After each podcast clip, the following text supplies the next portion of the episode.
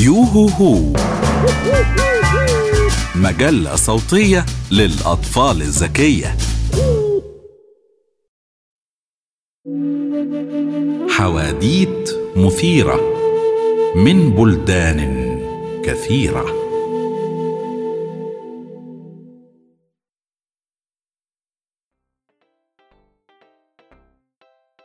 حدوتة برازيلية. فرح الثعلبة بيقولوا إن الثعلبة اللي زهقت من عيشتها لوحدها قررت تتجوز. كل الحيوانات عرفوا إن الثعلبة اتخطبت للذئب قعدوا يقولوا إزاي؟ إيه الجوازة الغريبة دي؟ دول أعداء إزاي اتخطبوا؟ كل الحيوانات بدون استثناء بدأوا يجيبوا هدايا الفرح. طبعا بعد موافقة الأسد. ملك الغابة. قرر الأسد يدي الثعلبة هدية هو كمان عشان كان مبسوط منها وهي دايما بتعمل كل اللي بيطلبه منها الأسد بطريقتها المكارة بس طبعا هديته لازم تكون أحسن وأغرب من هدايا الناس التانيين. أمال مش ملك الغابة؟ قرر يخليها تختار الطقس في يوم فرح يعني مثلا لو عايزة يبقى فيه مطر هيبقى فيه مطر. ولو عايزة يبقى فيه شمس هيبقى فيه شمس. نادى الأسد الثعلبة وسألها تحبي الطقس يوم فرحك يبقى إيه؟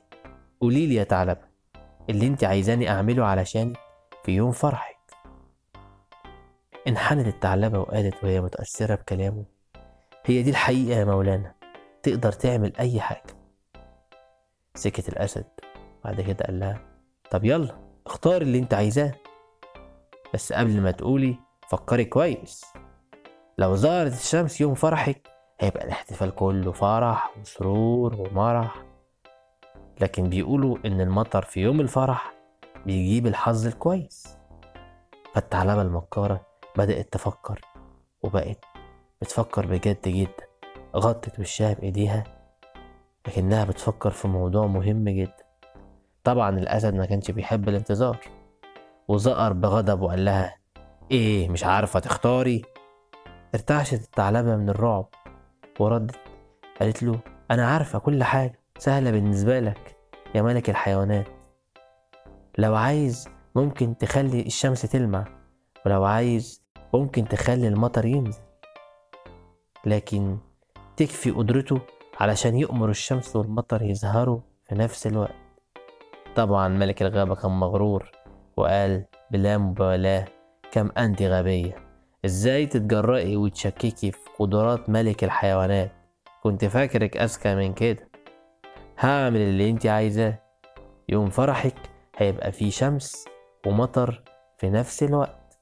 وفعلا وفى الأسد بوعده لأن ملك الحيوانات ما يقدرش يرجع في كلامه.